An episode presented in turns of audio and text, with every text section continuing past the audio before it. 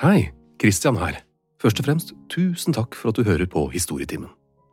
Det å lage disse episodene tar veldig mye tid, og hittil så har jeg jo bare kunnet gjøre dette her på fritiden og i helger og på kvelder. Og da blir det jo ikke så mange episoder i året. Men hvis jeg kunne gjort det på dagtid, da kunne det plutselig blitt en god del flere. Men det er jo avhengig av støtte, så derfor lurer jeg på følgende. Kunne du vært interessert i å betale en liten sum for å høre på Historietimen? La oss si 29 kroner i måneden, eller 49 kroner i måneden, eller ja. Svaret skriver du rett i Spotify-spilleren din hvis du bruker Spotify, og hvis du bruker en eller annen spiller, så send gjerne en mail til hei at gjenklangstudio.no med svaret ditt. Hei at gjenklangstudio.no. Sånn, da er det bare å starte episoden. Igjen, tusen takk.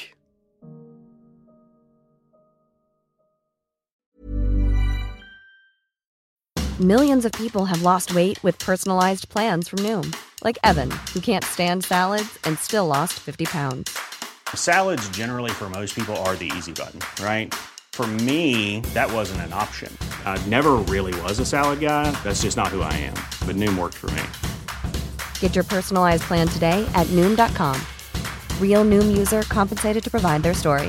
In four weeks, the typical Noom user can expect to lose one to two pounds per week. Individual results may vary. Hiring for your small business? If you're not looking for professionals on LinkedIn, you're looking in the wrong place. That's like looking for your car keys in a fish tank. LinkedIn helps you hire professionals you can't find anywhere else, even those who aren't actively searching for a new job but might be open to the perfect role. In a given month, over 70% of LinkedIn users don't even visit other leading job sites. So start looking in the right place. With LinkedIn, you can hire professionals like a professional. Post your free job on linkedin.com slash people today. Hey there, it's Michelle Norris. I'm host of a podcast called Your Mama's Kitchen. When I travel, I'm usually looking for a way to find a taste of home when I'm not at home. And one of the things I love to do when I am at home is entertain. And Airbnb allows me to do that. When I was in California recently, I rented a house that had a great kitchen. And when we were sitting around the table, we're all thinking, we're in someone else's house. Someone could be in all of our homes as well. If you have a home, but you're not always at home, you have an Airbnb. Your home might be worth more than you think. Find out how much at airbnb.com/slash host.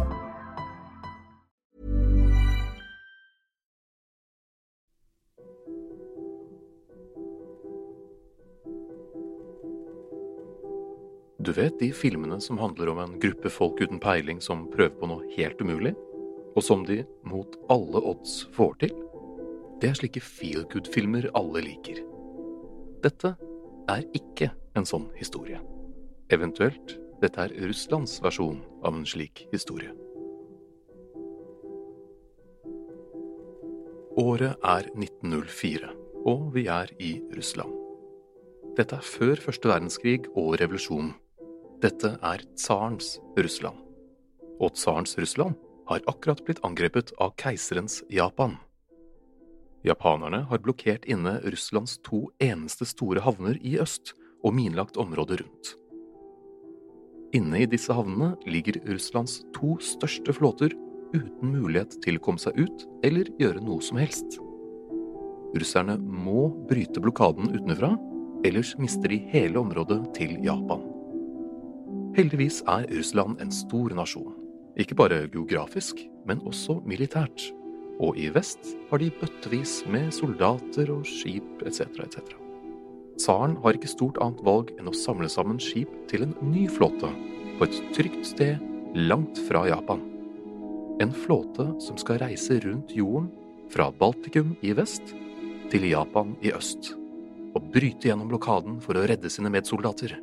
For da får de frigjort alle skipene som sitter fast, og med en samlet gigaflåte så vil ikke Japan ha nubbesjans. Tsaren beordrer at det skal settes sammen en flåte i Baltikum som får navnet Den andre stillehavsflåten. Han leter også etter noen til å lede denne flåten. Et problem var bare at alle de dyktigste offiserene og mannskapet satt fast i øst. Valget faller på Zinovi Rozjestvenskij, denne historiens usannsynlige helt. Og jeg har garantert uttalt navnet hans feil. Kjapt oppsummert hittil. Russerne sitter fast i øst, samler derfor skip i vest for å sende dem østover for å hjelpe de som sitter fast. Rozjestvenskij var langt fra den mest populære kandidaten, men tsaren hadde heldigvis fått med seg at han var den overlegent dyktigste offiseren av de som var igjen. Ikke bare var han den eneste med ordentlig erfaring til sjøs, men han var heller ikke korrupt. Det at jeg påpeker dette, sier kanskje litt om den russiske marinen på dette tidspunktet. Da han var sønn av en lege, hadde han heller ikke arvet tittelen, men jobbet seg opp på egen hånd. De fleste offiserene i Russland var håpløst korrupte, inkompetente i sitt fag og kom fra aristokratiske familier hvor deres far igjen hadde vært offiser. Så de ble ikke valgt pga. sin kompetanse, men fikk ofte kjøpt seg inn. Rozjestvenskij var altså ikke sånn, og derfor ikke særlig populær hos de andre offiserene. Men han var svært populær blant sine underordnede. Mannskapet og skipene han styrte, var kjent for å være høyst disiplinerte, raske og effektive. Ellers var han kjent for å ha et vanvittig temperament overfor folk som enten ikke fulgte ordre, eller var generelt inkompetente. Han kunne slå ned matroser som ikke gjorde som han sa. Men summa summarum så var de ikke sinte over det. De godtok det fordi de visste at han også hadde sykt lyst til å klinke ned offiserer som enten ikke gjorde som de skulle, eller hvis de ikke var rettferdige overfor sitt eget mannskap. Hvorfor han ikke gjorde det, var fordi, som tidligere nevnt, at de fleste inkompetente offiserene på en eller annen måte var koblet til tsarens hoff. Det ville dermed ikke gått bra for noen om han gjorde det. Så dyktig, perfeksjonist, populær blant mannskapet, hatet blant aristokratene, en heltetype som hadde passet inn i en Disney-film. Et par ting noterte Rosjestvenskij seg med en gang. For det første tar det jo eh, en god stund å reise rundt jorden med båt.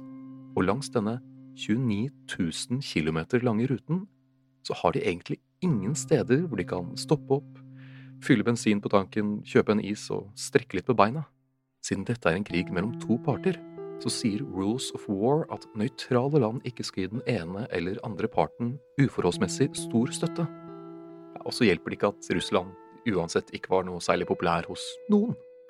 Spesielt ikke hos britene, som hadde de fleste forsyningspassene langs ruten. Samt kontrollerte Suezkanalen, som ville kunne halvere tiden det tok å komme til Asia. Britene hadde i tillegg en løs allianse med Japan, så de var i bunn og grunn overhodet ikke interessert i å hjelpe til. For å løse drivstoffproblemet falt løsningen på å fylle på drivstoff til sjøs. Det ble derfor hyret inn tyske tankbåter til å være deres mobile sjøbensinstasjoner underveis. I vår tid høres kanskje ikke det ut som en dum idé. I dag kan man jo fylle drivstoff på et annet fly i luften. Men dette var over 100 år siden, og alle disse skipene som skulle seile rundt jorden, var kulldrevne. Og ingen hadde forsøkt å fylle på kull midt på havet i denne skalaen før. Et annet lite aber var at skipene så absolutt ikke var designet til å reise så langt, ei heller gjennom tropisk klima. De var, ikke overraskende, designet for Russland og russisk klima, ikke jungel og ekvator. Alle disse små tankekorsene ble selvfølgelig fullstendig ignorert av tsaren. Totalt 45 skip ble samlet for å forberede seg til en reise til Asia.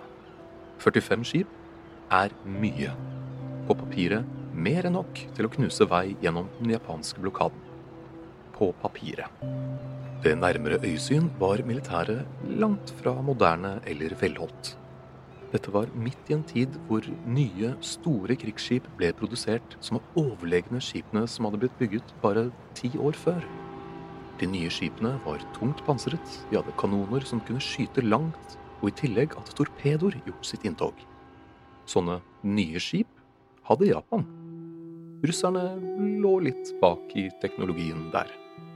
Skipene som ble samlet, var en god miks av litt av hvert. Noen var kliss nye fra fabrikken, men ikke testet til sjøs. Noen var eldgamle og knapt brukende, mens andre igjen var fritidsyachter og passasjerskip man hadde plassert en kanon eller to på. For ikke å bruke for mye drivstoff, altså kull, og for å ha så mye plass til kull som mulig, får skipene kun nok ammunisjon til én stor kamp. Det betyr at de ikke har nok ammunisjon til å øve på veien eller før de drar. De overlegent fleste om bord har aldri skutt før, så det kunne vært praktisk å lære å sikte før man skal i krigen. For nesten hele mannskapet hadde blitt hentet fra Sentral-Russland, og mange var førstegangstjenestefolk. Faktisk hadde de fleste av dem aldri engang sett havet. Så nå skulle de livredde stakkarene hoppe opp i en svær, flytende metallbalje og lære alt om å være om bord på et skip på vei til krig. I tillegg til sammensuriet av ikke-sjødyktige folk og båter befinner vi oss, som nevnt i begynnelsen, i pre-revolusjons-Russland, hvor det var mange ulike grupperinger med svært ulike meninger. Alt fra bolsjeviker og mensjeviker til anarkister og tsarister. Ja, det var en god miks av konspirasjonsteoretikere og revolusjonære på hver sin kant blant mannskapet. Offiserene som skulle styre disse skipene rundt jorden og inn i kamp, hadde, utenom vår helt Rosjasvenskij, null erfaring og flere av dem ga tydelig blanke i hans ordre og snek seg jevnlig til lands for å gå på fylla. Rozjosvenskij var ikke akkurat supergira på oppgaven han hadde foran seg da han så hva han måtte jobbe med, og beskrev samtlige underoffiserer som poser med avføring og a waste of space. Noen måneder senere var flåten endelig klar til dyst, og det er nå vår vakre historie virkelig begynner. Den planlagte ruten går fra St. Petersburg, gjennom Europa, rundt hele Afrika, gjennom Det indiske hav og helt bort til Øst-Asia. En lang og slitsom tur som krever det ytterste av kapteinene om bord. Dedikasjon, kløkt og konsentrasjon. Umiddelbart kjører en av båtene på grunn, og en annen, av en eller annen grunn, presterer å miste ankeret sitt. Mens resten av flåten venter på at de to skipene blir sjødyktige igjen, krasjer to av de andre skipene med hverandre og må snu tilbake til havna for å repareres. Resten av flåten fortsetter da turen, men de kommer ikke lenger enn til Danmark før ting begynner å skje. En rekke matroser får panikk og roper og skriker at de er dødsdømte. Panikken sprer seg raskt de andre båtene. Hvorfor var de dødsdømte? Fordi japanske ubåter og torpedobåter lå og ventet på dem når de skulle passere mellom Danmark og Sverige. Var det japanske ubåter og torpedobåter ventende på dem? Nei, så klart ikke. Det er et lite stykke fra Japan til Danmark, så det hadde vært rimelig imponerende. De fortsetter reisen, men bare et par dager senere greide flåten å ødelegge noen danske forsyningsskip som hadde hjulpet dem ved at offiserer som ikke kunne navigere, krasjet inn i dem. På russisk side sank et skip, mens et annet mistet kranene sine, som man bruker til livbåter og laste opp forsyninger etc. Ett skip måtte Rozjestvenskij skyte varselskudd mot for at den i det hele tatt skulle stoppe, etter at den nektet å adlyde signalene som ble sendt. Da den til slutt gikk med på å ikke spinne rundt som en femåring på sukkerrush, så sendte admiralen vår den like så godt tilbake til Russland for å understreke litt, de er fortsatt utenfor danskekysten her, altså. Videre på reisen dukker det opp nye rykter. Japanerne har minelagt området. Japanerne har omringet oss med torpedobåter. De kan snike seg usett inn blant oss og drepe oss alle! Så videre. De er jo, som vi alle vet, ninjaer. Vår helt admiralen er rimelig drittlei, men prøver å roe ned det nervøse mannskapet på de andre skipene ved å si at Ok, ingen andre fartøyer skal komme inn mellom oss i flåten. Ålreit? Fint. Rett etter han ga den ordren, kommer det en liten fiskebåt tøffende mot dem. Tolv av skipene med livredde folk ved kanonene åpner selvsagt ild mot den lille jolla. Heldigvis hadde de ikke fått noe trening på forhånd, så ingen, altså ingen, traff en eneste gang. Admiralen mottar fiskebåten og inviterer den lettere forvirrede kapteinen om bord, og beklager så mye. Men det viste seg at kapteinen ikke helt skjønte at det var han de faktisk skjøt mot. Så dårlige var de. Grunnen til at fiskebåten tøffet bort til dem, det var at kapteinen kom med en beskjed fra selveste tsaren. Så greit at de ikke sprengte han i fillebiter. Oh, forresten, Admiralen vår er jo som kjent en eh, herre som sliter med aggresjonsproblemer, og han hadde visst en lei tendens til å kaste kikkerten, som han hadde rundt halsen, over bord mot skipene han irriterte seg over. Heldigvis var mannskapet hans rutinerte og kjente han godt nok til at de hadde sneket med en kasse om bord med 50 ekstra kikkerter, bare sånn i tilfelle. Et lite frempek her, disse får han bruk for. Apropos det vil jeg nå i historien vår gjerne introdusere skipet Kamtsjatka. Et reparasjonsskip som var en del av flåten og som lå bakerst som en hale. Kamtsjatka er også navnet på halvøyen de er på vei til, så det passer fint. Dette skipet og dets mannskap skal vi bli godt kjent med. For nå slår Kamtsjatka alarm og sier den blir angrepet av japanske torpedobåter. Panikken brer seg på ny over flåten. Når den blir spurt hvor mange, svarer den tja, cirka åtte? Alle skipene går selvsagt i full krigsmodus, men ingen andre i flåten ser noe som helst. Ettersom tiden går og heller ingenting skjer, nekter offiseren om bord for at han muligens kan ha tatt feil, men trumfer gjennom at fienden har gjemt seg, som de japanske ninjaene de er. Før de i det hele tatt hadde passert Danmark, har de kjempet mot usynlige torpedobåter, ubåter og minefelt, og nå var de klare for å komme seg ut i Nordsjøen.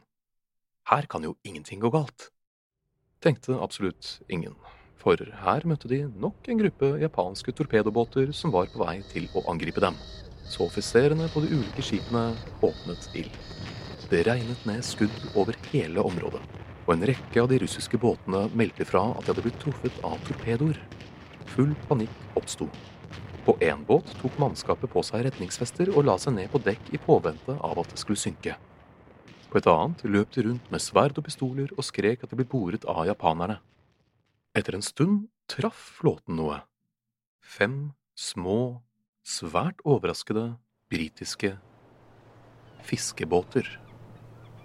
Som vi alle vet, er britiske fiskebåter noe av det skumleste man kan se på horisonten. Garn og fisk med måker kretsende over seg.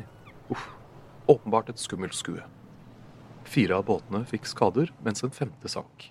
To briter omkom, og seks ble skadet. To russere ble også drept. Hvorfor?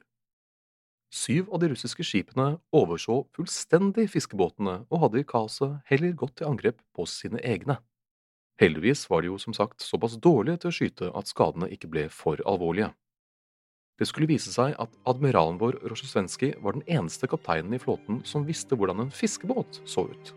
Han prøvde frenetisk å få alle båtene, inkludert sin egen, til å slutte å skyte.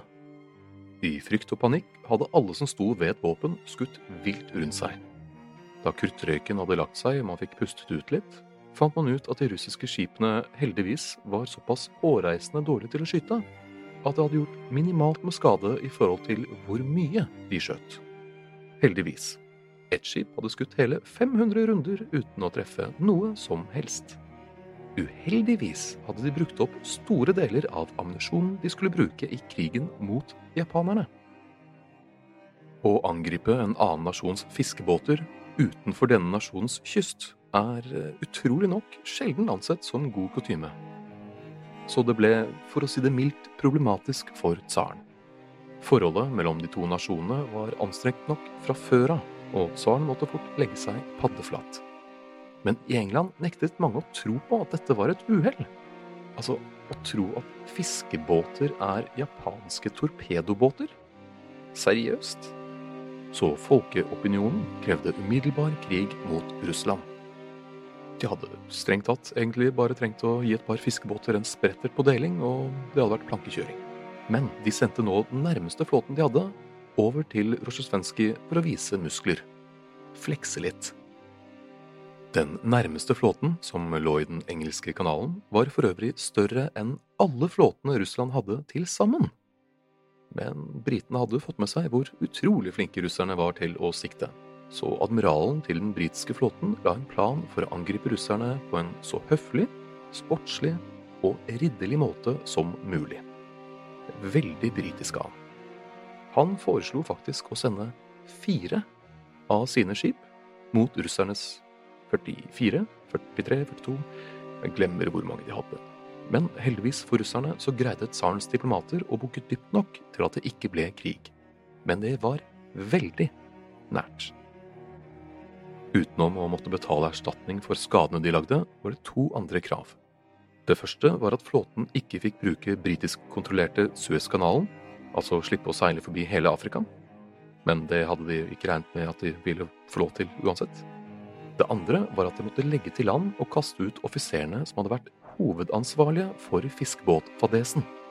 Admiralen vår brukte denne siste unnskyldningen til å kvitte seg med et par inkompetente bråkebøtter. Dessverre ble en av de han fjernet, da han kom tilbake til St. Petersburg, satt av tsaren til å danne en ny flåte. En flåte av båtene som var for dårlige til å være med i utgangspunktet. Med tanke på hvor knapt sjødyktige mange av de som faktisk kom med i vår admiralsflåte var, så kan man tenke seg standarden på denne flåten. Kallenavnet den fikk, var Synke av seg selv-flåten. Nå i historien vår har flåten seilt ut av europeisk farvann, og etter en liten pitstop i Marokko var de nå utenfor Afrikas vestkyst. Her går flåten og admiralen vår noen stille dager i møte. Ja, hvis man ser bort ifra at et av skipene utenfor Marokko greide å kutte en telegrafledning tvers av, som tilfeldigvis var hovedkommunikasjonsåren som koblet Nordvest-Afrika og Europa sammen. De stille dagene er først og fremst fordi i kaoset med de skumle britiske fiskebåtene mistet de kontakten med flåtens maskot og yndlingsskip, Kamtsjatka, som tidligere nevnt skulle ligge bakerst i rekken. Dette var alle veldig fornøyd med, og man krysset fingrene for at båten hadde krasjet i et skjær eller snudd og dratt hjem. Men akk nei. Etter noen dager tar Kamtsjatka igjen flåten, og den har med nyheter gledelige nyheter. For mens resten av flåten hadde driti seg ut og nesten startet en krig ved å angripe noen fiskebåter, så hadde Kamtsjatka tatt ansvar. De kunne skryte av å ha pepret tre japanske torpedobåter med 300 skudd. Eller for å oversette Kamtsjatka-kapteinens språk til virkeligheten, de hadde angrepet et svensk handelsskip, en tysk tråler og et fransk skip som om russerne var populære nok fra før av. Heldigvis unngikk Russland et nytt diplomatisk mareritt og å havne i krig med hele Europa. Hvorfor? Fordi Kamtsjatka var såpass ubrukelig styrt at den ikke greide å treffe én en eneste gang, selv om en viss kaptein om bord sikkert benektet dette. Utenfor Afrikas vestkyst begynner det å se dårlig ut for kullbeholdningen om bord, men heldigvis har de jo avtalt påfyll fra de tyske kulltankerne. Siden påfylling av kull var farlig nok på land, kan man pent si at det var livsfarlig til sjøs. Og siden det også er tidkrevende, finner admiralen vår ut at de for sikkerhets skyld skal doble beholdningen om bord i båtene. Det vil si å overfylle båtene med kull hvor enn de har plass. Altså, se for deg at du stopper på en bensinstasjon og fyller tanken mens du tenner deg en sigarett. Sigaretten her er for å understreke at det er farlig. Og så fyller du like gjerne opp bagasjerommet, hanskerommet og alle ledige seter med bensin. Ja, så det var eh, kull overalt. Og ikke bare det, men utsiden og innsiden av båtene ble da dekket av kullstøv. Noe som er rimelig antennelig. Så tilbake til bilen med bensin i. Se for deg at etter du har dynket bilen i bensin, setter deg inn i førersetet og tenner deg en sigarett til og så prøver du å ikke sprenge deg selv i filler. Om det ikke var ille nok å seile rundt i en flytende molotov-cocktail, så gjorde luftfuktigheten langs Afrikas kyst sitt for å plage de om bord. For kullstøvet blandet seg med den høye luftfuktigheten og dekket svelg og lunger i et deilig tykt lag av sort slim, som ikke overraskende tok livet av en del av de om bord. Da de endelig var på vei igjen, seilte de rett inn i en storm som i og for seg er kjedelig nok ute på Atlanterhavet, men under den daglige sjekken, hvor båtene en etter en melder fra om status, kommer vi igjen til Kamtsjatka. Den blir spurt om status og svarer Ser dere andre også japanske torpedobåter? Panikk oppstår igjen mens båtene desperat leter etter magiske japanske torpedobåter i uvær og skyhøye bølger. De kommer utrolig nok helskinnet ut av stormen og passerer Cape Town når admiralen vår Rozjesvenskij får beskjed om at den tredje russiske stillehavsflåten, eller Synka-Sasel-flåten, har kastet loss fra St. Petersburg, og den vil gjerne møte opp med hans flåte. Med tanke på hvor mye han misliker sin egen flåte, regner han med at den nye, i beste fall, kommer til å være en sinke, og muligens krasje inn i og senke noen av skipene hans, så han sier eh, ellers takk. I tillegg så ledes den av en av offiserene han ikke tålte trynet på, og som han jo kastet av flåten før de forlot Europa, så han bestemmer seg like greit for å kutte all kontakt og nekte å oppgi koordinatene sine. En annen som tar kontakt, er en britisk tjenestemann som småsarkastisk nevner at britene har noen fiskebåter i området, og at de ikke er japanske torpedobåter. Kamtsjatka er skeptisk, men avfyrer heldigvis ingen skudd. Når de kommer til Madagaskar, får de den tunge beskjeden om at Port Arthur, den ene havnen, har overgitt seg etter å ha blitt bombet sønder og sammen av japanerne, og at alle skipene som lå der, har blitt senket. Disse var da de gode skipene russerne hadde. Ja, flere ved den andre havnen i Vladivostok, men dette var fortsatt et alvorlig slag for moralen til de om bord. Som om de ikke var paniske og redde fra før av. For å løfte moralen kom offiserene på en knakende god idé. De lot mannskapet gå om bord på Madagaskar for å gi dem en liten pustepause. Her fant de mange artige, eksotiske dyr som de til og med fikk ta med seg om bord som maskoter. De eksotiske dyrene inkluderte lemurer, fugler og reptiler i alle mulige farger, samt krokodiller og slanger. På ett skip ble det fullstendig kaos da en slange surret seg rundt den ene hovedkanonen, og ingen turte å nærme seg den. Da kapteinen prøvde å pirke vekk den giftige slangen med en stokk, ble han så klart bitt. På flaggskipet, admiralens båt, hadde noen tatt med seg en papegøye, som raskt lærte seg admiralens imponerende utvalg av banneord. De hadde også tatt med seg en god del kameloner, som rømte og ikke overraskende ble klin umulig å finne. Ellers klagde mannskapet i flåten nå på at de ikke turte å legge seg for å sove, fordi de hadde livsfarlige rovdyr vandrende rundt om i korridorene.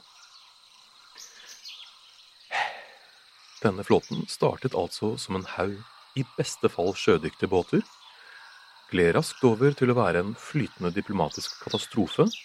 Så ble de verdens største flytende molotov-cocktail, for så å ende opp som verdens største flytende eksotiske dyrehage.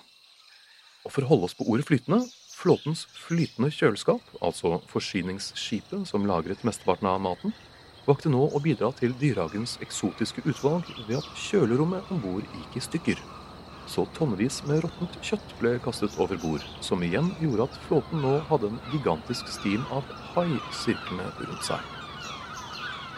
Muligens var det dette som var dråpen for admiralen vår, for nå ble han svært syk og sengeliggende. Heldigvis hadde han en nestkommanderende som ikke var helt løk. Uheldigvis fikk denne nestkommanderende hjerneslag og ble delvis lam. Så nå visste ingen egentlig helt hvem som var sjefen. Så de valgte å bli i Madagaskar. Siden den sinte admiralen nå ikke kunne se dem, valgte folk å stikke inn til øya for å sjekke ut fasilitetene, som barer, horehus etc. Resultatet ble selvsagt et utbrudd av malaria, diaré, tyfoidfeber samt alle kjønnssykdommer det er mulig å oppdrive. Ikke overraskende ble det derfor et par dødsfall. Under en av begravelsene skjøt vår alles yndlingsbåt Kamtsjatka en salutt. Og tro til seg selv, så skjøt de selvsagt med skarpt. Og traff selvsagt et av hovedskipene ved navn Aurora. Aurora hadde blitt truffet mange ganger tidligere av sin flåte på denne turen, og var nå rimelig drittlei. Drittlei var på generelt grunnlag samtlige om bord hele flåten og som vi har fått med oss på veien, var de redde for alt. Frykten og paranoiaen som hadde marinert og godgjort seg i mange måneder, tok nå fullstendig overhånd, og de ulike grupperingene, revolusjonære, religiøse, de generelt gærne, prøvde nå hver for seg å igangsette mytteri. Offiserene som skulle holde orden, hadde dessverre oppdaget at Madagaskar var et aktivt sentrum for narkotikahandel og var lykkelig uvitende om hva enn som foregikk om bord skipene sine. En offiser hadde ordnet seg 2000 sigaretter, som alle viste seg å inneholde opium. Så de lot sine menn løpe rundt og slåss med hverandre og mot farlige dyr om bord sine skip. Heldigvis begynte helsen til admiralen vår nå å komme seg, og de som hadde oppført seg verst av mannskapet, som nok var brorparten, ble sendt av flåten i vanære. Problemet ble da at det var litt for få om bord skipene til at de egentlig var krigsdyktige. Som om de var det fra før av.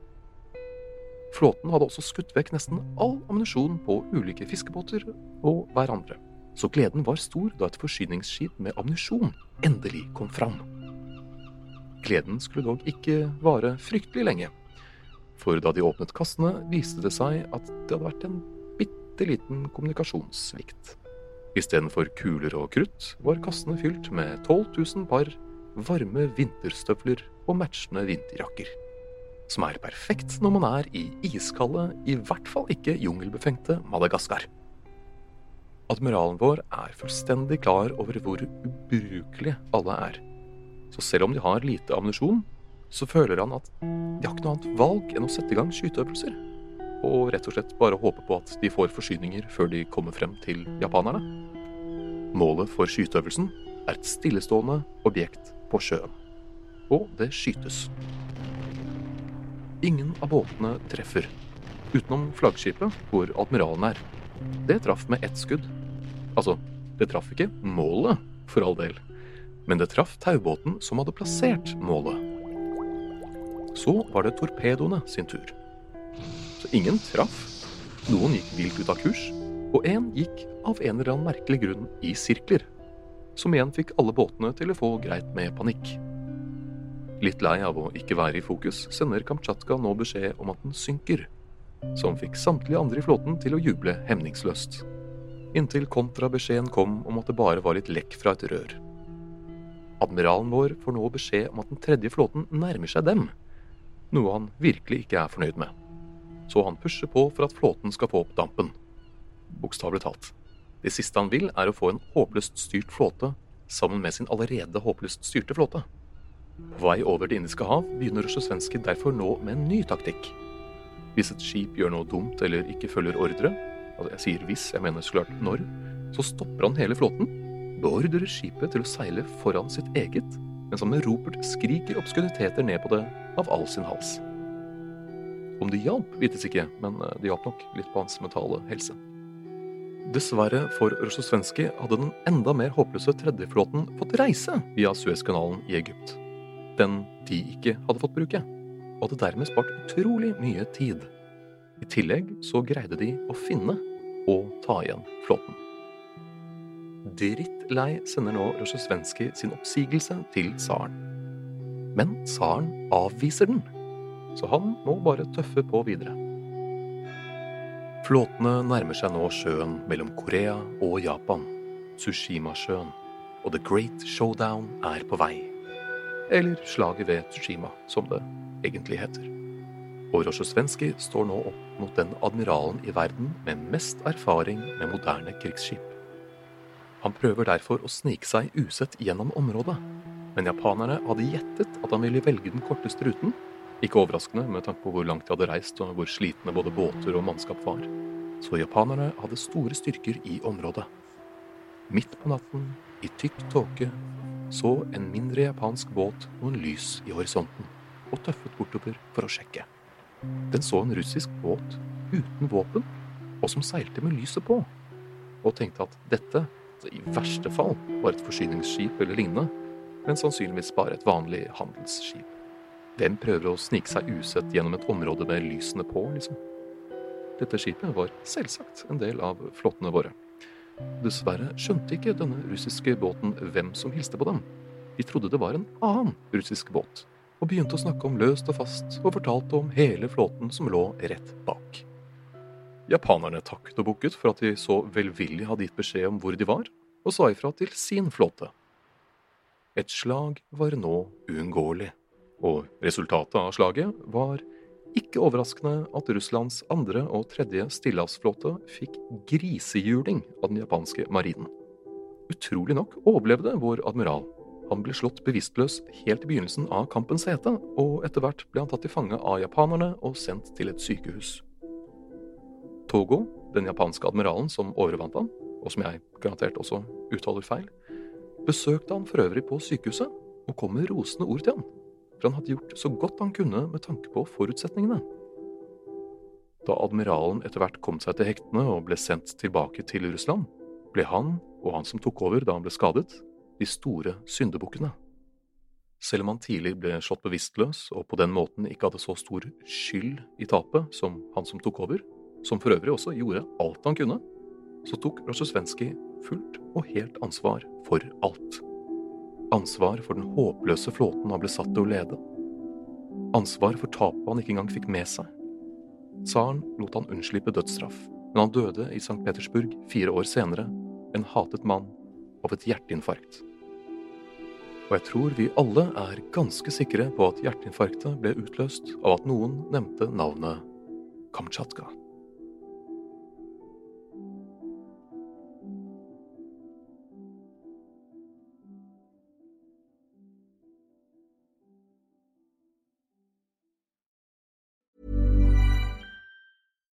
It's Paige DeSorbo from Giggly Squad. High quality fashion without the price tag. Say hello to Quince. I'm snagging high-end essentials like cozy cashmere sweaters, sleek leather jackets, fine jewelry, and so much more. With Quince being 50 to 80% less than similar brands. And they partner with factories that prioritize safe, ethical, and responsible manufacturing. I love that. Luxury quality within reach. Go to quince.com slash style to get free shipping and 365 day returns on your next order. Quince.com slash style. Planning for your next trip? Elevate your travel style with Quince. Quince has all the jet setting essentials you'll want for your next getaway, like European linen, premium luggage options, buttery soft Italian leather bags, and so much more. And is all priced at 50 to 80% less than similar brands. Plus, Quince only works with factories that use safe and ethical manufacturing practices. Pack your bags with high-quality essentials you'll be wearing for vacations to come with Quince. Go to quince.com/pack for free shipping and 365-day returns. When you make decisions for your company, you look for the no-brainers. And if you have a lot of mailing to do, stamps.com is the ultimate no-brainer. It streamlines your processes to make your business more efficient, which makes you less busy. Mail checks, invoices, legal documents, and everything you need to keep your business running with Stamps.com. Seamlessly connect with every major marketplace and shopping cart. Schedule package pickups and see your cheapest and fastest shipping options from different carriers. With rates up to 89% off USPS and UPS rates. And with the Stamps.com mobile app, you can take care of mailing and shipping wherever you are. Make the same no-brainer decision as over 1 million other businesses with stamps.com. Sign up with code program for a 4-week trial plus free postage and a free digital scale. No long-term commitments or contracts. That's stamps.com. Code program.